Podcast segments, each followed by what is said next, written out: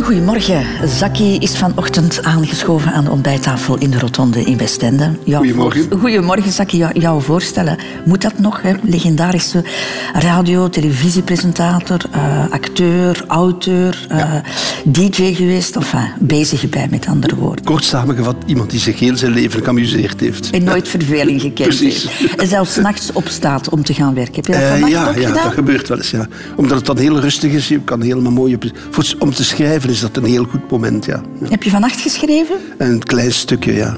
Ah, over? ja. Ik ben bezig met een, eh, met een roman. Dat is heel lang geleden dat ik echt een roman geschreven heb. En daar heb ik ja, een stukje bij geschreven nu. Ja. Radio 2. De Rotonde met Christel van Dijk. Zaki, we gaan eh, vandaag eens terugkijken op jouw leven en op alle beslissingen die je in je leven genomen hebt. En ik denk dat we hier op een goede plek zitten. Hè? Westende, dat is een plek waar jij heel wat herinneringen is een aan stuk van hebt. mijn leven, ja, absoluut. eh, Van mijn jong leven. Ik denk dat we naar hier gekomen zijn. Mijn ouders eh, in- eh, hadden een, een patisserie, een pasteibakerij hier in Westende. Ehm, en ik was tien jaar, denk ik, hm, als we naar hier gekomen zijn. Het is zo tien, elf, twaalf, dertien jaar, die periode. Dus dat ik hier de zomers heb doorgebracht. Trouwens, hier in de, in de duinen, hier een beetje verder, eh, daar heb ik een vogel gevonden toen. Een, een Jan van Gent, de albatros. En die was nog warm. En ik dacht, de, ik moet dat beest eh, meedoen en hopen dat we het kunnen genieten. Maar hij was eigenlijk al dood. En mijn vader heeft toen gezegd, oh, wat een prachtig beest. En we gaan hem laten opzetten. En hebben we dat gedaan. Hij stond dan in die, in die patisserie met heel wijd eh, uitgesprekte vleugels. Een heel mooi beest, ja. ja. Praat jij graag over het verleden, Zaki? Eh, ik, ik praat graag, weet ik niet. Ik, bedoel, ik, heb, ik heb niet veel met mijn verleden. Het verleden is voor mij voorbij. Het is, het is goed dat het geweest is, maar en, en, ik leef daar niet mee, laat het ons zo zeggen. Ik ben echt niet nostalgisch, nee. nee. Ik, ik, ik vind veel belangrijker wat er nog komt en wat de toekomst is. En hoe we de dag van vandaag met elkaar kunnen en mogen omgaan, vind ik veel belangrijker dan wat er geweest is. Ja. Hm? Nochtans ben jij wel geboeid door geschiedenis bijvoorbeeld, door het verleden. Ah, maar dat is iets anders natuurlijk. Bedoel, mijn verleden heeft aan de geschiedenis niets veranderd. maar een aantal, een aantal dingen in de geschiedenis natuurlijk wel. Hè. Daar ben ik heel erg in, in geïnteresseerd. Zaki, het gaat over jou vandaag. En ik heb al van jouw vrouw, van Frida, gehoord dat je weinig loslaat over jezelf. Ja, ik vind mezelf niet zo interessant eigenlijk, als ik heel eerlijk moet zijn. Dus het wordt een uitdaging Ja, vandaag. goed, we doen ons best, goed. Zaki, je bent een begrip in Vlaanderen. eh, En jij hebt uiteraard ook een Wikipedia-pagina. En eh, daar staat onder meer deze informatie op. Jackie de Wale, met pseudoniem Zaki, Gent, 23 maart 1945, is een Belgische radiopresentator en televisiepresentator. En ja, er staat nog wel wat meer op, maar Ja. het gaat eigenlijk vooral over Zaki, hè, over de bekende persoon, maar eh, over jouw jeugdjaren en de periode daarvoor hebben we eigenlijk geen informatie. Maar we hebben Han Koeken en die heeft die leemte opgevuld en een nieuwe Wikipedia-pagina gemaakt. Zaki is als Jackie de Wale geboren op 23 maart 1945 te Gent en verwekt in de euforie na de oorlog als vijfde kind. Zijn 13 jaar oudere zus Therese had het alvast niet zien aankomen. Ja, dat was een verrassing, maar dat was een nakomertje eigenlijk. Hè. Dat was een hele goede baby, maar wel een, een huilbabytje. Zijn zeven jaar oudere broer Sylvain herinnert zich ook nog vooral de inspanningen om huilende Jackie tot bedaren te brengen. hoe zou ik dat moeten zeggen? Dus er moest nogal wat gaan wandelen gedaan worden met hem. En omdat beide ouders heel hard moesten werken in de bakkerij, was de kinderloze tante Angèle er als de pinke bij om kleine Zakkie mee op te voeden, lacht broer Sylvain. Tante Angèle, de zus van mijn vader. Eh, dat was een zeer lieve dame, nogal corpulent. Dus in onze familie zijn er nogal wat corpulente mensen. En volumineuze tante Angèle liet het niet na om kleine Zakkie te overladen met snoepgoed, met alle gevolgen van dien, lacht zus Therese. Hij was wel eh, ja, ja, rond, ja, absoluut. Want hij heeft zelfs eh, een beetje leverproblemen gehad, herinner ik mij, als klein jongetje, nadat hij veel te veel snoepte. Ja. Kleine Zakkie werd in de watten gelegd in het gezin De Walen. En dat had niet enkel gevolgen op zijn BMI. Ook zijn schoolprestaties werden erdoor beïnvloed, verzekert broer Sylvain. Nee, nee, hij studeerde niet graag. Nee, nee, nee, de Zakkie vond dat niet leuk naar school gaan. Dus koos Zakkie resoluut voor die andere richting in het leven, getuigt Sylvain. Hij is een artiest. Ik ben een wetenschapper. Dus en dat zijn twee totaal verschillende mensen eigenlijk. Hè. Dus een, een wetenschapper die zoekt overal de waarheid op, probeert de zaak te doorgronden. En een artiest die weet alles. Hè. Vooral op gebied van muziek was Saki een alweter. En broer Sylvain weet wie daarvoor verantwoordelijk was. Mijn broer Willy die kon viool spelen en ik speel piano. En eh, dus het schijnt dat Zaki ooit tegen iemand gezegd heeft... ja, dat is de reden geweest waarom dat ik in de muziek terecht gekomen ben. En ook het feit dat die oudere broer Willy... dus een van de allereerste een, een radio ineen geknutseld had. Zaki werd dus gebeten door de muziekmicroben. Zaki wou niet zoals zijn broer wetenschapper worden. Hij moest en zou iets doen in de wereld van radio en muziek. En Zaki heeft één bijzondere eigenschap, getuigt zijn vrouw Frida. Ik denk een keer dat hij in zijn hoofd weet, ik ga dat doen, gaat hij daarvoor. En of Zaki ervoor ging. Tijdens zijn studies hoorde hij over een radiowedstrijd. Hij schreef zich in en won. In 1966 mocht hij beginnen bij Radio 2 Omroep Oost-Vlaanderen. En de rest is history. Een stukje jeugdzakkie. Met het medisch dossier en al erbij. De Ja, ja, ja, leverproblemen. Ja, ja. men, men, had het hier alleen over eh, tante Angèle, maar er was ook nog tante Adrienne. En er, was- er was ook nog iemand die bij ons werkte in de, in de patisserie. En die was ook kinderloos. En die allemaal samen hebben mij een, le een leverkies bezorgd. Als ik, drie, ik was drie jaar ongeveer toen dat gebeurd is. Ja. Ja. Zaki, we gaan eh, 74 jaar terug in de tijd, naar 1945, het jaar waarin jij geboren bent. En ja, geboren worden is de eerste afslag in het leven. Hè. Je was de jongste van een gezin van vijf kinderen en zoals we gehoord hebben, eigenlijk al niet meer gepland, want er zit veel leeftijdsverschil. Het verhaal gaat dat eh, eh, mijn, vader mocht blijven van de Duits, want eh, dus bakkers en, en beenhouwers die waren nodig om, het, ja, om de zaak levendig te houden. Dus hij mocht blijven. Maar op het einde van de oorlog dacht hij toch van ik vertrouw ze niet, die Duitsers. En hij is gevlucht naar Frankrijk, met zijn fietsje naar Frankrijk. En toen het duidelijk was dat ze aan het verliezen waren, de Duitsers, is hij teruggekomen naar Gent. Eh, Het was een groot feest. Mijn vader is terug. En eh, daar zou ik het gevolg van zijn, van dat eh, mooie feest. Ja, Werd dat zo verteld? Zo, werd, zo is het mij verteld. En als het waar is, is het een heel mooi verhaal. Het is een heel mooi verhaal. Ja, ja. ja. Dus heb jij nooit het gevoel gehad dan dat je tussen aanhalingstekens een, een, een ongelukje was? Ah, in tegendeel, denk ik. Men, men zei niet dat ik een ongelukje was. Het was zo eh, een extra cadeautje, werd het bekeken. Zo. Ja, dat was het. Ze dachten wel altijd dat ik een meisje zou zijn. Ah ja. Ja, ja en, en dat ik Jacqueline zou heten.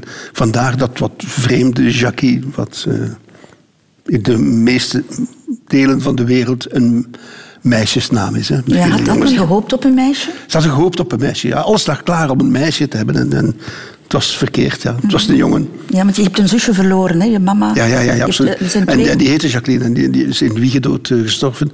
En ik was daar de vervanging van. Hè. Zo de, een godsgeschenk een beetje, zo was het toch wel. Ja, ja. Want je mama heeft twee kinderen verloren, dacht ik. Twee kinderen verloren. Eentje doodgeboren en een- eentje in Wiegedood. Ja. Ja. Ja. Heb je dat verdriet gevoeld in het gezin? Da, nee, dat is lang voor mij gebeurd. En nee, daar heb ik nooit iets van echt gemerkt. Nee, nee, nee. nee. Wel natuurlijk dat, dat ja, die, die twee mensen, mijn vader en mijn moeder, dat zijn mensen die zich hebben doodgewerkt. Hè. Dat waren zelfstandigen toen. En je moet weten, die hadden zo'n zo'n winkeltje, zo'n patisserie. En dat was elke dag open, elke dag. Die hadden geen vakantie. Ook weekend, altijd, dat was altijd open. Die hebben zich gewoon doodgewerkt, die twee mensen. Hè. En dan ook zeven kinderen erbij. En jij was dan hè, het, het, nakomertje en ook, heb Ja. ik, toch behoorlijk verwend geweest. Ja, tuurlijk, absoluut. Hè. Ja, het was zo, goh, dat we dat nu nog meemaken en iedereen was blij. ja, ben, ik ben behoorlijk verwend geweest, ja, absoluut. Altijd in het middelpunt gestaan. Ook, ja. Veel belangstelling, natuurlijk wel. Ja, ja absoluut. Ja. Ja. Is het daarom ook dat jij een leven in de schijnwerpers gekozen hebt? Nee, ik denk dat dat, dat, dat weet ik eigenlijk niet zo goed. Want het tegenovergestelde is gebeurd. Want als je zoveel als klein kind eh, belangstelling krijgt, dan, ik ben een beetje gesloten geworden. Ik heb me een beetje in mezelf, ben ik bij mezelf gaan opsluiten. Zo. Je voelt toch wel dat dat een beetje te veel is. Dat dat niet, niet echt is, die belangstelling allemaal. Dus ik was eigenlijk uitgegroeid tot ja, toch een, een vrij stille jongen eigenlijk. Een beetje in zichzelf gekeerde jongen. En het is door de media dat ik een be- beetje losgekomen ben weer. Ja. Niet helemaal hoor, ik heb nog altijd een beetje dat, eh, dat stille in mezelf zijn. En zo de, ja, de jongen die s'nachts opstaat en een gedichtje gaat schrijven, dat soort dingen. Ja. Nu, er was een, een heel groot uh, leeftijdsverschil. Hè. De, broer, de broer Ja. die voor jou komt is zeven jaar Zeven jaar, tien jaar, Willy. Ja. En jouw oudste zus was, eh, is, was 16 jaar. 16 jaar verschil, ja. Betekent dat dan ook dat je in zekere zin alleen opgegroeid bent? Als Ja, ja, ja, ja. Ik heb heel, ben heel veel alleen geweest. Dat is absoluut zo. Ja, ja, ja. Heel veel alleen geweest. Maar ik heb me nooit eenzaam gevoeld. Omdat er, er was een heel warm... Daar ben ik nog altijd zo blij om. Er was een heel warm gezin waar ik uitkwam. Je voelde dat we, dat we voor elkaar er waren. Er, eh, het was een heel ja, gevoel van, van veiligheid ook. Van wat er ook met mij gebeurt, dat gezin zal mij wel opvangen. En dat is een onwaarschijnlijk goed gevoel. En ik denk ja, dat iedereen dat zou moeten verdienen in zijn leven. Dus daarom was ik nooit, ik was nooit eenzaam. Maar ik heb veel, veel dingen alleen gedaan. Dat is absoluut zo. Ja, ja, ja. En dat was- jij- En eigenlijk een, een nogal mooi voorbeeld is wat er gebeurd is met mijn voeten. Mijn, eh, mijn oudere eh, familieleden eh, aan de Leien in Gent, dat was een weide en ze hadden daar een, een kampvuurtje gemaakt. En toen de avond viel, hebben ze het kampvuur dicht, dichtgemaakt. Hè, omdat er geen gensters zouden rondvliegen en er geen brand zou ontstaan. Alleen, ik wist dat niet. En als manneke ben ik daar dus ingelopen. En eh, zijn, zijn die houtskool, die brandende houtskool, is in mijn, em, in mijn slofjes gegaan. Ja, ja, ja. En dat was redelijk erg. Ik heb toen drie weken of zo met mijn voetjes omhoog moeten liggen in, in, de- in een plastic zak. Om de, ja, ja, dat was nogal wat. En dus heel mijn leven, nu nog altijd, als ik in een heel warm bad stap, zie je aan die, die twee plekken op mijn voeten waar die, die houtskool zich heeft En ik ben dus die gast die eh, aan het zwembad voorbij komt in zijn zwembroek met zijn sandalen en met sokken daarin. Want ik kan ook niet eh, hebben dat de zon daarop schijnt. En je ziet dan de mensen denken van, wat is dat met, die gare gast? En ik, ik vind dat altijd zo plezant dat ze niet weten waar dat van komt. Ik denk, eh, het is niet dat er iets mis is met mij, ik moet dat gewoon doen. Er zijn weinig, weinig mensen die weten dat dat ooit gebeurd is. Ja. Had je ook verschillende vaders en moeders met jouw oudere broers en, en zussen? Nee, dat gevoel had ik niet. Ik denk alleen mijn oudste zus een beetje. Die was ook mijn meter. Ze hadden daar ook meter gemaakt van mij. Dus die had toch wel een beetje dat gevoel. En door het feit dat ze... Ze is dan getrouwd met een, met een man, met onze domin uit uh, Tessenderlo. En in de zomer ging ik daar wel eens naartoe om daar een stuk van mijn vakantie door te brengen. Ja. Maar die was toch wel ook een beetje moeder voor mij, absoluut, ja. Je bent opgegroeid in een, in een warm gezin. Ja. Maar toen je 19 was, stierf jouw vader. 55 nog maar, hè? Ja. Onverwachts ook? Uh, nee, nee, nee. We hebben het, we hebben het zien aankomen. Hij was al de hele tijd uh, ziek. Hij had een, uh, problemen met zijn hart. Hè. De, dat was, nee, nee, we hebben het zien aankomen. Maar dan toch, hè, je ziet dat aankomen. Als jongen van 19, op het moment is... Dat, is toch, ja, dat heeft toch wel heel veel invloed op mij gehad. Dan moet ik heel eerlijk zijn. Dat was, dat was een hele zware klap, hoor. Ja. Het, het was ook zo... Uh, zoals elke jongen, denk ik, in de, de, vroege puberteit ging het niet goed met mijn vader. Dat is zo in het leven. Je moet je een beetje afzetten tegen die oudere generatie. En je moet je eigen uh, ego ontwikkelen. Maar in de laatste jaren van zijn leven was hij, naast mijn vriend natuurlijk, die mijn, beste kameraad is, maar eigenlijk was hij mijn beste vriend geworden, mijn vader. Heel raar, dat was heel vreemd. Maar dat was dus wel zo. En we hebben heel veel gepraat met elkaar. En, en, ja. En ik verloor niet alleen mijn vader, maar eigenlijk ook mijn beste kameraad. Ja. Ja. Mm -hmm. Hoe zwaar heeft dat ingehakt bij de familie? In, bij het gezin? Bij de rest van de familie bedoel je, nou, het was heel zwaar. Voor mijn moeder was het verschrikkelijk zwaar. Ze heeft het niet, eigenlijk nooit verteerd, de dood van mijn vader. Ze, ze waren een vreselijk katholiek. En als mijn vader gestorven is, is ze nooit meer een kerk binnengegaan eigenlijk. Ze vond dat God daar uh, niet goed had behandeld. Dat, dat, ze, dat ze dat niet verdiende, de dood van mijn vader. Ja. Heel, heel erg, ja. Ze heeft heel lang gerouwd. Heel lang ben ik s'avonds thuisgekomen en zat ze daar met haar, met haar zwarte uh, stofjasje aan. Een beetje te treuren, ja. Want jij woonde nog thuis toen? Ja, ja, een tijdje nog. Hè. Ik ben dan nog een tijdje gaan, door, gaan doorstuderen. Ja, absoluut, ja. Het moet toch erg zijn om zo geconfronteerd te worden met het verdriet van, van je moeder?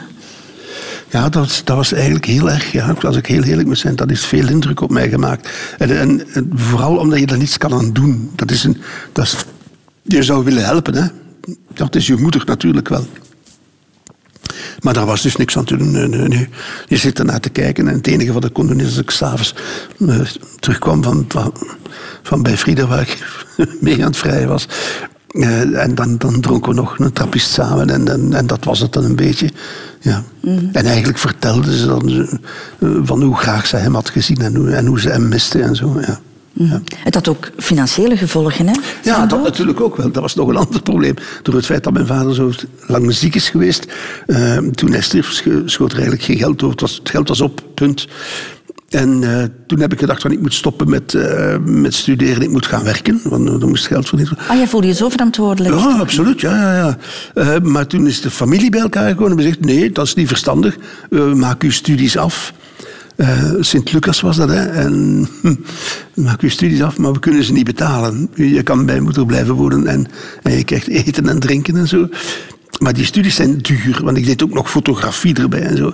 En dus moest ik ervoor zorgen dat- ik ja, bijverdiensten had om mijn studies te kunnen betalen. Ja, want de zaak moest dan ook verkocht worden. en, jullie worden, zijn dan bij je oudste broer. Bij Willy, ja. bij Willy gaan mee inwonen, ja. Ja, Dat ging ook wel, ja. Ik, wel, ik heb daar nooit veel problemen mee gehad, moet ik eerlijk zeggen. Nee. Maar als je zoiets meemaakt, Zaki, zo financiële problemen, financiële onzekerheid, Ja. heeft dat dan later jouw relatie met, met geld beïnvloed? Ik heb geen relatie met geld. Ik hou niet van geld. Ik, eh, ik hou niet van bezit gewoon. Ik ben echt een oude EP. Hè? Ik vind dat bezit iets gevaarlijk is. Al wat je bezit, bezit u ook.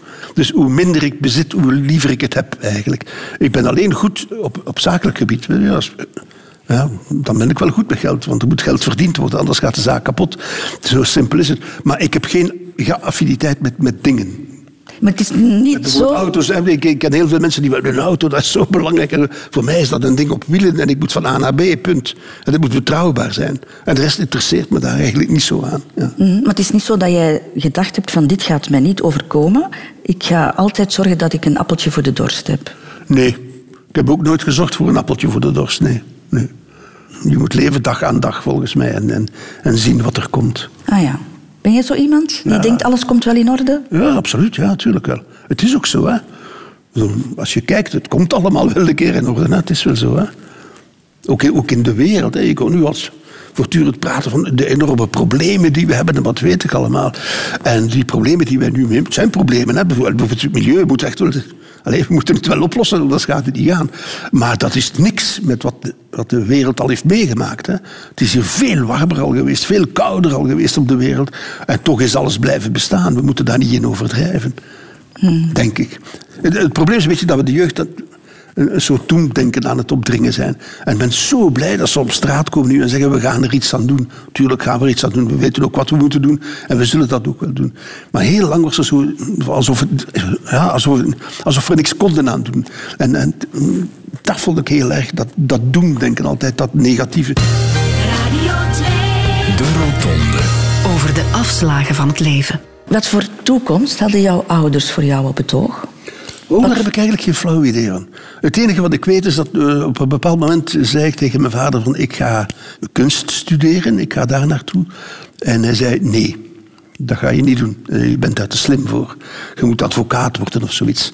En mijn broer voor mij was duidelijk... eh, onze, Sylvain, je hebt hem daar gehoord, was duidelijk bezig met een wetenschappelijke carrière. En mijn vader dacht, ja, zo advocaat. En. Hij babbelt nogal goed, de jongen. dat soort dingen. En, en ik, ik zei nee. Ik, en hij zei nee, het gaat niet door. Eh, je moet eh, doorgaan met- je gewone humaniora. En ik, ik dacht, dat zal dus wel niet waar zijn. Je maakt, ik ben ook iemand die conflicten een beetje uit de weg gaat. Eh, ik heb geen goesting om ruzie te maken. Ik heb het heel simpel opgelost. Ik ben, dat, ben dat jaar met mijn rapport naar huis gekomen en ik had 30 procent. En mijn vader zei, ik heb het verstaan, je gaat nu maar naar Sint-Lucas. Ah ja. Was dat het, plan echt om... eh, ik ga mij laten buizen? Tuurlijk, ja. ja. Ah ja. ja, ja. Dat Dat is simpel, hè. dan kom ik thuis en kijk je 30 procent. Heb je het verstaan? Eh, ja, ik heb het verstaan. Het is goed, ga maar naar Sint-Lucas. Liever dat dan te onderhandelen met jouw vader. Ja, maar ik had geen geen goesting om ruzie te maken. Ik doe dat nooit. Ik ben, ik ben, ik ben bij conflicten de gast die weggaat gewoon. Van, van oké, als je ruzie wilt maken, maar niet meer mij. Ik vind ruzie maken onproductief. Ik vind het eh, alleen maar slechte gevoelens meebrengen. Ik heb daar geen goesting voor. En eh, ik- ik- het zal mijn tijd wel duren zeker. Hè. Ik draai mij om en ben weg. Hè. Heb je dat in je job ook altijd gehad? Ja, absoluut, ja. Want je zit toch in een wereld waar er toch al wel eens discussie is, denk ik. Ja, hè? en, en een aantal keren heb ik mij omgedraaid en ben ik weggegaan, ja. Ik zoek geen conflicten, wel in tegendeel. Nu, als ik, als ik het kan oplossen met praten, natuurlijk wel. Hè. Maar je komt toch wel in een situatie waar je denkt... Ja, hier kunnen we blijven praten zoveel als we willen. Hier komt alleen maar ruzie van. Ik heb, geen goesting om ruzie in mijn leven te hebben. Daar heb ik echt geen zin in. Nee. En dan die kunsthumanioren en dan later Sint-Lucas. Was dat Sint-Lucas, eh, een dat was plek... ja, ja. Was dat een plek waar jij je goed in je vel Wel, ik vond het aan de ene kant goed in mijn vel en aan de andere kant niet. Eh, het, het probleem was een beetje dat ik vond, één, dat ze nogal ouderwets waren in, eh, in hun onderwijs. We zaten daar toch nog veel potloodtekeningsjes te maken en zo. Een van de redenen trouwens waarom ik toen aan de radio eh, mij ingeschreven heb voor die wedstrijd. Omdat ik dacht van, allee, kom, dat is aan het gebeuren toch, radio en televisie. Ik wil dat wel eens gaan bekijken. Dat was eigenlijk veel mijn idee. En dat ik toen tot mijn grote verbazing heb gewonnen. Maar eh, dus aan de ene kant was ik blij met wat ik daar geleerd heb. Ik heb van veel leraren niks geleerd. Een aantal hebben mij eh, wel iets geleerd, hebben mij getoond, hebben mij de liefde voor dat ding gesterkt, voor tekenen en het. eh, maar toen ik, ja, op het einde van mijn carrière, ik, van mijn schoolcarrière bedoel ik, hè, zag ik toch niet hoe ik mij in de kunstwereld zou gaan inpassen. Men was toen vooral bezig met abstract werk, dat soort dingen en zo. En ik zag mij daar niet in. Dus het feit dat ik op de radio kon beginnen al tijdens mijn studententijd. En er, toen ik afstudeerde, een soort ja, rode loper bijna open lag naar radio en televisie. Dat heeft eigenlijk een beetje mijn leven gered. Hè. In- Gered zelfs. ja, ja, ja. Ik zag het toen echt niet zitten hoor. Eh, Wat ik wou doen in de kunst, dacht ik, er is geen plaats voor mij. En dat, dat is een slecht gevoel, hè? dat is niet goed. Dus het was heel goed dat die, dat die andere opening eh, ontstaan is daar. Ja. Ja, een wedstrijd was het, hè? Van Radio wedstrijd 2 meegedaan, ja. Oost-Vlaanderen. Ja. Ja. Dus omdat je dacht van, dit is mijn, mijn opening. Nee, het is omdat ik dacht van, ik wil het wel eens van binnen gaan bekijken. Eh, ik zat op een school waar men ja, niet aan film deed, niet aan, aan de radio deed en al die dingen. En ik dacht van, ik moet zelf initiatieven nemen om eens te gaan kijken, hoe zit dat daar, hoe gebeurt dat daar. Dat, oh, ja, dat op zijn minst een notie had van, van hoe het in elkaar zat. En dat, was de enige. En tot mijn grote verbazing, twee maanden later kreeg ik een telefoontje, je hebt gewonnen. En ik weet dat ik zei, excuseer, wat heb ik gewonnen? Ja, op de radio. Oeh, ja. Ik was ervan overtuigd dat ik dat niet ging winnen. Ik vond het ook niet zo goed wat ik gedaan had, als ik heel eerlijk ben. Ik vond me daar niet zo goed in. En ik weet nog, toen, toen ik het gewonnen had, toen zei men tegen mij van, je moet een programma maken. En ik zei, maar jongens, ik kan dat helemaal niet. Ik weet niet hoe ik dat moet doen. En eh, toen hebben we besloten om dat heel sumier te beginnen, een kwartiertje, twintig minuten in de week, denk ik, in een programma op woensdagnamiddag van Nan Baart. Afternoon Beat, denk ik, heette dat. En het is Nant die mijn handje heeft vastgehouden en gezegd heeft van doe dat een keer zo en denk daar een keer aan. En mij eigenlijk ja, een soort spoedcursus presenteren heeft gegeven op de radio. Ja. Hoe snel wist je, dit wordt mijn leven, dit wil ik doen? Daar, ik heb nooit gedacht dat. Ik heb altijd gedacht, dat ik ga dat nu een tijdje doen. En dan zal ik een keer serieus aan mijn leven beginnen. dat, dat is heel ernstig mislukt, moet ik zeggen. maar het is natuurlijk ook zo. Ik ben, ik ben, ik ben iemand die nooit plannen heeft gemaakt. Eh, ik weet een aantal keren in mijn leven mij gevraagd. En hoe ziet je uw carrière? Dat carrière. Ik heb geen carrière, ik ben daar niet mee bezig. Ik zie wel wat er gebeurt. Ja. Je begon te werken voor Radio 2 Oost-Vlaanderen en daarna, en als ik goed gerekend heb, moet dat 67 geweest zijn, ga je naar Radio 2 Brabant, omdat Jan Schoukes daar beslist had om een popsectie uit de grond te stampen. Yes. Klopt het allemaal? Dat klopt allemaal, ja. Ja, dat was allemaal vrij nieuw, hè, popmuziek op de radio. Dat was nieuw toen, hè? Ja, ja. We werden toen een beetje bekeken als eh, clowns in het circus. Zo'n beetje zo van, och arme, och arme, wat komen die jongens hier doen? Zo'n beetje was dat, ja. Werd serieus genomen daardoor? Nee, we werden helemaal niet. Nee, nee, in tegendeel. Er waren, er waren heel veel mensen die dachten, van, wat komt dat hier doen op die goede radio? met, met dat buitenlands muziek. Duivelse muziek. Waarom wou je daarbij zijn, Zaki? Het, het is in een periode natuurlijk, eind jaren 60, dat, dat de wereld aan het veranderen was. Tenminste, dat dachten we toch. Hè? We zongen het ook. The times they are changing. En ze waren aan het veranderen. De, de, er was toch wel meer vrijheid voor iedereen. De minderheden, daar werd naar gekeken. Eh, de emancipatie van de vrouw is een belangrijk moment. Op dat, eh, eh, heeft daar een belangrijk moment gekend. Dus er was iets aan het gebeuren en die muziek was daar een teken van. En, en het was leuk om daar een deel te kunnen van zijn. Dat, dat gaf een zeer goed gevoel, ja. ja. En had je toen ook het gevoel van, ik ben wel goed in wat ik doe? Ik kan niet. dit wel? Ik weet dat helemaal niet. Ik weet dat niet. nee. Nee, ik zag dat er mensen waren die het goed vonden wat ik deed. En dat is een goede zaak natuurlijk. Maar je weet van jezelf nooit. Ik kan ook naar mezelf niet luisteren. Ik kan zeker naar mezelf niet kijken op televisie. Dat vond ik verschrikkelijk altijd. Ik dacht van, ik doe het zo goed als ik kan. En dan zie ik wel wat er gebeurt. Ja. Mhm. Ja, want je hebt die stap ook gezet, hè? Naar televisie, hè? Onder meer. Vrij snel hebben ze mij gevraagd om met televisie ook wat dingen te gaan doen. Ja. Ja. Tienerklanken in het begin. En toen heb, heb ik op een, een verloren moment gezegd van ik zou wel eens iets met kinderen willen doen. Omdat de kinderen, ja, dat is, ja, dat, is dat, dat, die onschuld die moet, moet uitgroeien tot een volwassen mens. Daar is iets heel moois aan, aan dat, aan dat proces. En ik denk dat je daar hele mooie radio en televisie kan mee maken. En dan heeft men mij snel gezegd, ah ja, eh, dat is een goed idee. We, zetten je bij onkel Bob. Hè, want, want Bob was dan meer zo het traditionele. En ik zou dan het vernieuwende zijn. We speelden dat een beetje uit eh, tegen elkaar. En eh, dat was ook zo. Hè. We kwamen dikwijls niet overeen, Bob en ik, als het over programma's ging. We hadden daar een verschillende visie over. En we dachten van, nee, het is niet waar. Plots zet hij toch weer major- majoretten in de, in de studio. En, zo. en dat zag ik helemaal niet zitten. Maar het leuke was, dat, ter- terwijl we daar toch niet echt op dezelfde lijn zaten, zijn we toch wel vrienden geworden. En, en goede vrienden geworden, ja. ja, ja. Ik heb- aan Bob, aan Bob heb ik een hele goede vriend gehad, ja. Nu, je was al populair als, als radiopresentator, maar ja, televisie natuurlijk, dat is eh, een vergrotende trap. Hè? Dan word je echt een je, bekend. leeft, je leeft in een vergrootglas, zeg ik altijd. Ja. Ja, en je moet dat goed weten ook. Ik heb heel veel mensen in mijn carrière gezien die daarin verloren gelopen zijn. Die dachten dat eh, de bewondering die het publiek voor hen had, dat dat over hen ging en niet over het vergrootglas.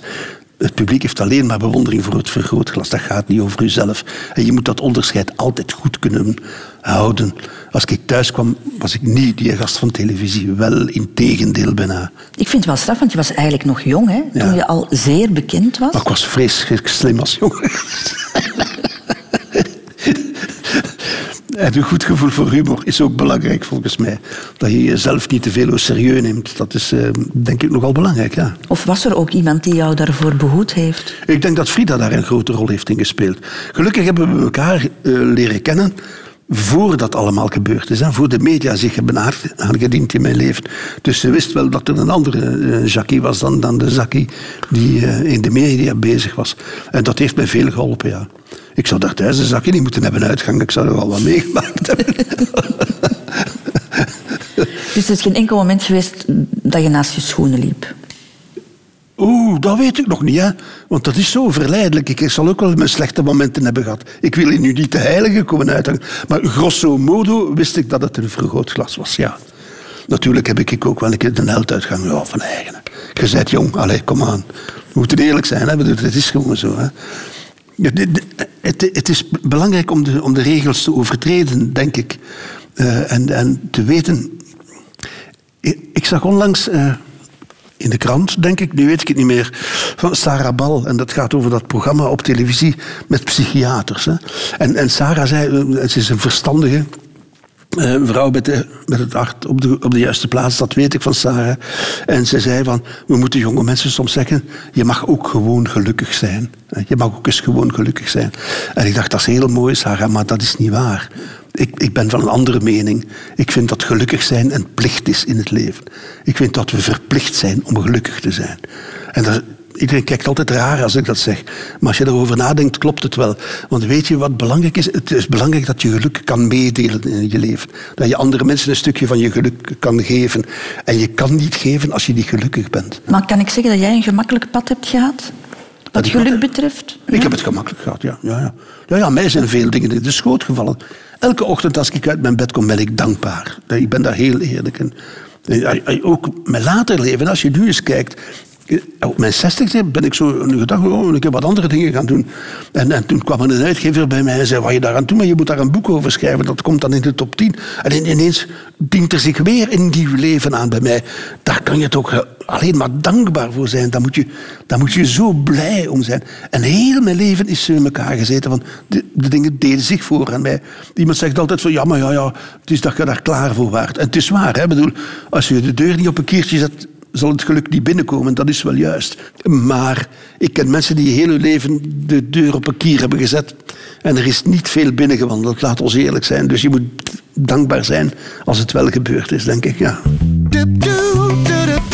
Radio Radio 2. over de afslagen van het leven. De Rotonde. De liefde, hè? daar gaan we het eh, over hebben. Gelukkig. Ja. Ja, gelukkig de liefde. Wat heb jij thuis meegekregen op dat gebied, wat liefdesrelaties betreft? Het gezin waar ik uit kwam, is een ge- gezin waar de liefde duidelijk was voor elkaar. Dus het geloof in de liefde is ontstaan in mijn jeugd, in mijn prille jeugd. Ik heb het zien gebeuren, gewoon. Ja. De liefde tussen jouw ouders, hè? dat was... Onder andere, maar ook wel alleen mijn oudere broers en zussen. Als ik hun gezin bekeek, dat was goed allemaal. Hè. Dat, dat waren goede gezinnen allemaal. Die, die zagen elkaar echt graag. En je kan daar niet in liegen. Hè. Nu, Je kan dat een beetje doen, alsof je elkaar graag ziet. Maar als het erop aankomt, merkt iedereen of het echt is of niet. En ik, ik had het geluk dat ik inderdaad ja, broers en zussen had waar dat echt zo was. Hè, waar, waar een echte band was. Hè. Als ik zie bij mijn, mijn zus en mijn broer, die zijn ook alle twee bij, nog bij elkaar. Hè. Het zal genetisch zijn, zeker, ik weet het niet. Nee. Maar ik denk het niet. Ik denk dat je een beetje geluk moet hebben om, om samen te blijven. Dat denk ik echt wel. Als ik zie, Frida en ik, als we jong waren, welke mensen we waren en wie we nu zijn, we zijn niet meer dezelfde. Hè. We zijn andere mensen geworden. Door ouder te worden verander je een beetje, daar is niks aan te doen. En sommige mensen groeien uit elkaar. En wij zijn, ja, ik weet niet, door welk godsgeluk zijn we elkaar zijn beste kameraad gebleven. En zijn we nog altijd geïnteresseerd in dezelfde dingen. En, en ja, je moet daar een beetje geluk in hebben, denk ik. Men zegt, je moet daaraan werken. En dat is waar, je moet daar een beetje aan werken, maar niet te veel, denk ik. Het, het, het grote probleem is, denk ik, dat de meeste mensen... Als ze een probleempje tegenkomen, en in elke verhouding zitten er dips, hè, daar is niks aan te doen, dat is ook zo. Dat ze denken dat het dan fout aan het gaan is. Terwijl ik denk dat een echt goede relatie ontstaat eh, op het moment dat er problemen zijn.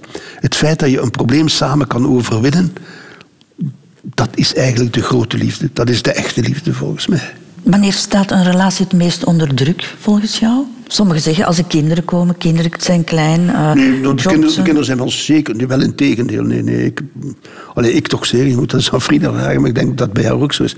Ik heb mijn kinderen altijd als een zegen gezien, eh, als een godsgeschenk gezien, ja, ja absoluut. Ja. Maar dus praten, dat is het overwoord volgens jou, of zelfs niet? Ja, praten en, en steun betekenen voor elkaar. En, en weten dat je altijd op de andere kan rekenen. En weten dat het ook een keer moeilijk zal zijn. En kijk, het leven zit zo in elkaar. Je, je, je zal problemen hebben, je zal bedrogen worden, je zal belogen worden. En je zal met je smoel tegen de muur terechtkomen op een bepaald moment. Iedereen maakt dat mee. Dus heeft het geen belang. Daar moeten we niet meer mee bezig zijn. We moeten ons bezighouden met al die andere momenten die, waar we gelukkig in zijn. En precies het overwinnen van die momenten die we allemaal tegenkomen in ons leven.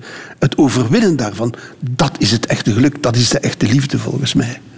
En dat heb jij gedaan. Je hebt altijd de keuze gemaakt. gedaan, ja, ja, ja. Je hebt altijd de keuze gemaakt, ik blijf. Ik, eh, Ah, het is zelfs nooit in mij opgekomen dat we niet zouden blijven bij elkaar.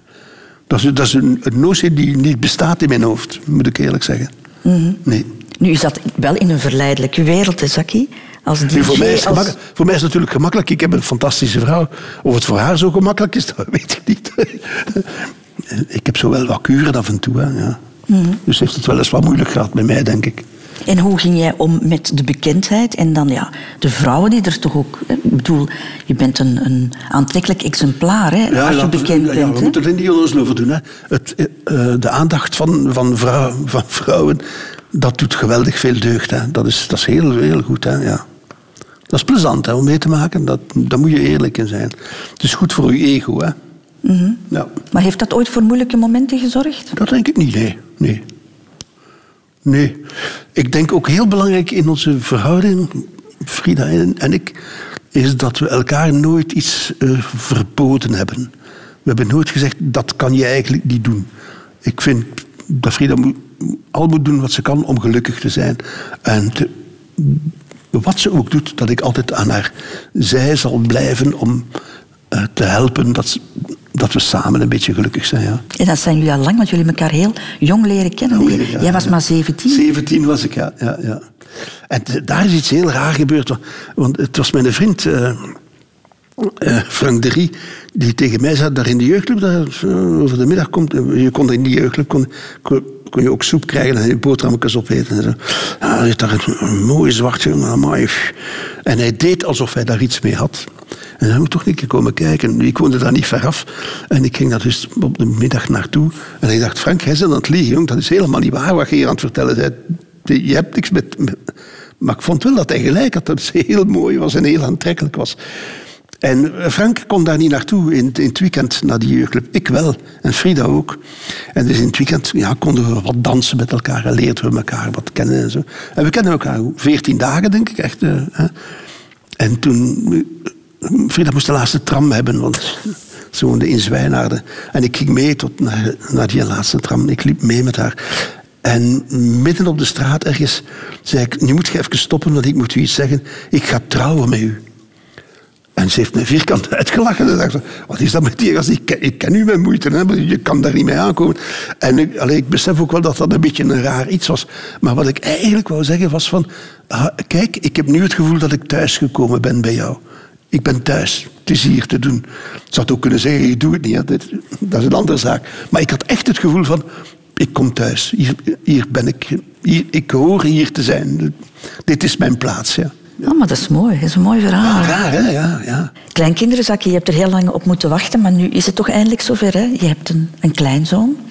Ja, ik ben blij, hè? Ja. ja. Wat voor opa wil jij worden? Uh, ik zal de, de, rechte opa zijn die de, kind, de kinderen slechte manieren leert. ik vind dat, dat we moeten een rolverdeling zijn. Ik vind dat ouders aan een kind moeten leren van dit is het rechte pad dat je moet nemen. En dan komt de grootvader en de grootmoeder die zegt van er is nog een klein straatje daarnaast. En dat moet je misschien ook wel eens een keer proberen. Dus dat is onze taak, denk ik. Als je te vinden, een keer te veel snoep geven en dat soort dingen. Dat, dat ze ook weten dat het verstand er is, maar dat er ook nog andere dingen zijn in het leven. Ja. Ooit, Zaki, moeten we de rotonde van het leven voorgoed verlaten en dan wacht ons de afslag? Onoverkomelijke afslag, de dood. Je bent er 74 nu, Zaki, en statistisch gezien... Jullie zeggen dat het ver gedaan is met mij. Statistisch gezien, ja. is je tijd bijna op. Hè? Nee, Hoe oud wordt ja. een man uh, gemiddeld? Rond de 80, denk ik. Hè? Ik zal mijn best doen. Ja, dus, ik zal mijn best doen. Ben je ermee bezig al? Nee, ik ben er helemaal niet. Het, het is een gegeven in het leven. Hè. Op een bepaald moment eindigt het leven en is het gedaan. Punt. Door allerlei omstandigheden heb ik heb ooit een boekje geschreven een paar jaar geleden uh, over ondeugend ouder worden. En ik doe daar lezingen over. En ik praat wel eens met mensen die wat ouder worden. En ik zie dat de angst voor de dood bijna weg is bij de mensen. Je komt het bijna, bijna niet meer tegen. Iedereen heeft het aanvaard van het is goed, op een bepaald moment is het einde en dan stopt het. Het is niet plezant, maar het is gewoon zo. En we aanvaarden het. Het is niet meer dat we er schrik voor hebben en zo. Of bijna niet meer. Daarentegen, wat ik wel gezien heb, is dat er een veel grotere schrik is voor dementie. Van ik, zal, ik zal mezelf niet meer zijn op een bepaald moment. Daar heeft ieder... Ik ook, hè. Daar heb ik schrik van, hè. Ja. De meeste mensen hebben wel schrik om ouder te worden. Want daar heb je het in het boek ook over gehad. Hè? Het dwangidee van de eeuwige jeugd. Ja, maar je moet dat niet doen. Hè. Bedoel, jong zijn is niet zoveel beter als oud zijn. Hè. Ik begrijp ook niet waar, nou ja, waar komt dat allemaal vandaan. Er zijn dingen die gewoon beter worden met ouder worden. Ook fysiek zelfs. Hè. Heel simpel. Uh, medisch zelfs. Hè. Mensen die heel hun leven migraine hebben gehad en dat gaat weg met ouder worden. Je moet daar geen pilletjes voor pakken, je moet daar niks aan doen. Het gaat gewoon weg met ouder worden. Dus er zijn dingen die beter worden met ouder worden. Ik heb altijd het voorbeeld van een goede fles wijn. Hè. Weet je nog, er is ooit zo de, de, mode geweest van Le Beaujolais Nouveau. Weet je het nog? Ik zal niet zeggen dat dat slechte wijn was, maar we hebben veel koppijn gehad. Hè? Veel hoofdpijn. Je, je, moet die dingen laten bestaan en tijd geven. En ouder worden is een fantastisch iets. Alle alternatieven zijn slechter geworden. Ja, ouder worden is fantastisch. Ik weet niet, dat is niet beter dan jong zijn, geloof me. Echt niet. Wat, wat is er bij jou beter geworden met ouder? Oh, ongeveer alles. Ik, heb veel meer vrij. Ten eerste, je hebt ervaring. Dat is niet slecht. hè. Je weet een paar dingen. En, en je hebt vrijheid gekregen. Ik kan veel meer kiezen wat ik doe in mijn leven dan toen ik jong was. Want dan zit je in een molen en je moet een aantal dingen doen. Maar nu, weet je, het huis is afbetaald, de kinderen zijn weg. Wow, ik doe toch wat ik wil eigenlijk. Ik zeg nu veel meer nee dan als ik jong was. Op veel, veel dingen zeg ik, nee, ik ga dat niet doen. Mm. Ik doe het alleen als ik echt zin heb. Zoals dit hier. Je hebt ooit eens gezegd dat ze het op de radio niet moeten vermelden. Jouw overlijden. Oh, nee, nee, ik zou niet weten waarom we dat zouden doen. Dat is toch iets heel privé, overlijden. Ik bedoel, dat heeft toch niks met... eh, Nee, nee, nee, nee. We moeten, moeten dat niet in de gazet schrijven en zo. Dat is allemaal niet nodig. Nee, nee, nee, nee. Nee, nee. Het is geweest, hè, punt. Want je hebt toch veel betekend voor mensen in Vlaanderen. Ja, jij zegt dat. dat is- Weet je, twee maanden na mijn dood heb ik niks meer betekend. Geloof me. Ik denk dat dat niet waar is, dat dat niet zo is. Nee. Bekijk je het leven zo? Wij zijn maar nietige mensen, nietige Ah, absoluut, wezens. natuurlijk. Ja. Zo kijk, absoluut bekijk ik het zo. Ik ben, nog, ik ben er nog van overtuigd dat dit leven niet het enige is. Dat is het godsbesef. Dat is, ik weet dat, dat is niet echt populair op dit moment. Eh, Men heeft daar veel last mee. Maar het is terugkomen. hè. Als ik kijk naar wat er gebeurt in de kwantumtheorie, dat ligt heel dicht bij een godsbesef. Want alles, alles staat in verbinding met alles. Eigenlijk is alles één geheel. En dat, dat één geheel, dat is dan de godheid. En je ziet in bijna alle religies, zegt men van, er is een leven dat stopt op een bepaald moment, maar er is nog een ander leven. hè, Het hiernamaals en noem maar op, en dat weet ik allemaal. En we hebben daar vreselijke last mee, omdat we niet weten wat dat gaat zijn. Van wat is dat dan, dat ander leven? En waarom kunnen we ons daar zo, zo weinig bij voorstellen? Omdat dit leven, wat wij hier beleven, is, is een materieel leven. Dat is, dat is materie. En eigen aan de materie is dat alles begint en eindigt. Alles verloopt volgens tijd. Maar er is dus blijkbaar ook een leven waar de tijd niet bestaat. Waar de eeuwigheid is, waar dingen gewoon zijn, waar ze niet evolueren. Wij denken altijd dat evolutie zoiets heilig is, hè, het enige echt bestaande. Maar er is blijkbaar ook een leven waar niets evolueert, waar de dingen gewoon zijn. En we kunnen ons daar niks bij voorstellen. We hebben geen flauw idee van hoe dat zou kunnen zijn. Maar ik denk dat er zoiets bestaat. En ik zeg nu net van de kwantumtheorie, we weten dat nu. Hè. Als er iets blauw bestaat, bestaat er ook waarschijnlijk iets in een andere kleur. Als eh, eh, de dark matter is... Allee, heeft men gevonden, omdat men zei, als er gewone materie is, moet er ook wel zwarte materie zijn. En dan denk ik van, als, als er leven bestaat met tijd, moet er waarschijnlijk ook wel een, een leven bestaan zonder tijd, waar we niet gebonden zijn aan evolutie. Je bekijkt dat wel heel wetenschappelijk, dat hiernamaals. Terwijl dat het toch eerder een... En wel, Dat vind, ik net, dat vind ik net zo interessant. Dat is een hele tijd geweest waar de wetenschap zei, al die zeven van God, wat is het allemaal? Hè? Men, men verwierp dat omdat men dat niet kon uitleggen. Ik herinner me nog... eh, eh, Etienne Vermeers, die, die ooit heel zijn verhaal heeft gedaan van hoe hij kon bewijzen dat God niet bestond. Dat is gewoon grappig. Hè? Dat ging daar helemaal niet over. Dat was eigenlijk vooral, vooral zijn frustratie van wat hij had meegemaakt in het seminarie. Maar goed, tot daar. Maar, bedoel, men heeft er last mee omdat je het niet kunt uitleggen. Maar het is niet omdat je het niet kunt uitleggen dat het niet bestaat. En hoe meer je ziet, eh, vooral in de kwantumtheorie, zie- ziet men voortdurend dat men zegt, we kunnen niet uitleggen hoe het in elkaar zit, maar we zien dat er iets moet zijn, dat er dingen moeten bestaan. En als je dat kan aannemen, dan kan je ook aannemen dat er, dat er een ander leven is dan dit, ja. Ik vind het allemaal moeilijk, zo, hè? Ja, het is, niet nu het is inderdaad niet zo, het is niet zo eenvoudig. Maar als je, er, als je er een beetje op ingaat, kijk je, eigenlijk wat ze daaraan te ontdekken zijn, is een soort godsbesef, zonder enige twijfel. Heb je daarom geen schrik van de dood? Omdat je denkt van er is nog iets? Nee. Nee, wat, oh, misschien ben ik mis, hè. ik ben ook maar een simpele mens. En misschien is het er niet, en dan is het er niet. Ik mag niet klagen, hè. ik heb een mooi leven gehad. Hè. Ik ben gewoon dankbaar voor wat er geweest is tot nu toe. Heb je al praktische voorbereidingen getroffen? Nee, dat moet allemaal niet. Daar ga ik me niet mee bezighouden. Ik zie veel mensen tegenwoordig die dan, dan zo'n heel scenario schrijven voor hun, eh, hun overlijden. En zorgen dat er een frietkot buiten staat tegen dat dat uit het crematorium kom. En zo. Plezant, ja, maar ik weet niet of dat nodig is allemaal. Ik, zie dat niet zo. ik vind mezelf ook niet belangrijk genoeg daarvoor. Zaki, je bent nog met heel wat dingen bezig. Hè? Je geeft lezingen en je bent aan het schrijven. Hm. Een roman. Ja. En waarover gaat het? Ah, dat is heel moeilijk. Het gaat over mensen die zo moeilijk met elkaar kunnen praten. Eigenlijk gaat het daarover. Maar ik denk dat heel veel mensen dat herkennen. Dat er momenten zijn waar- waarvan je denkt van... Nu zouden we, we zouden eens moeten praten met elkaar. Zouden we een goed gesprek moeten hebben. En dat het er niet van komt. Dat is iets wat mij altijd gefascineerd heeft. Tegen wanneer moet het af zijn? Als het klaar is, hè. De tijd van deadlines is voorbij, ja. We doen het als het er is, hè. Anders niet. Zaki, ik vond het heel fijn praten met jou. Ja. Ik had er een beetje schrik van. En waarom? Ja, Frida had, hè, jouw vrouw had gezegd, hij praat niet graag over zichzelf. Ik heb En toch hij- mijn best gedaan. Je hebt heel goed je best Ah, gedaan. Oké, dan is het goed. Dank je wel daarvoor. Graag gedaan. Nog één ding, Zaki, dat eh, is mijn gastenboek. Wil je daar iets in schrijven? Ja. Lieve Christel, ik wist wel dat je de stille jongen aan de praat zou krijgen. Harten bloot, zielen op tafel, kom nu maar uit en van eigen uw mooiste troef, de liefde voor de mens, die de zondagmorgen doet blozen van plezier. Je ziet van hier dat ik dat voor altijd bij mij zal houden. Uw liefhebbende luisteraar, Zaki.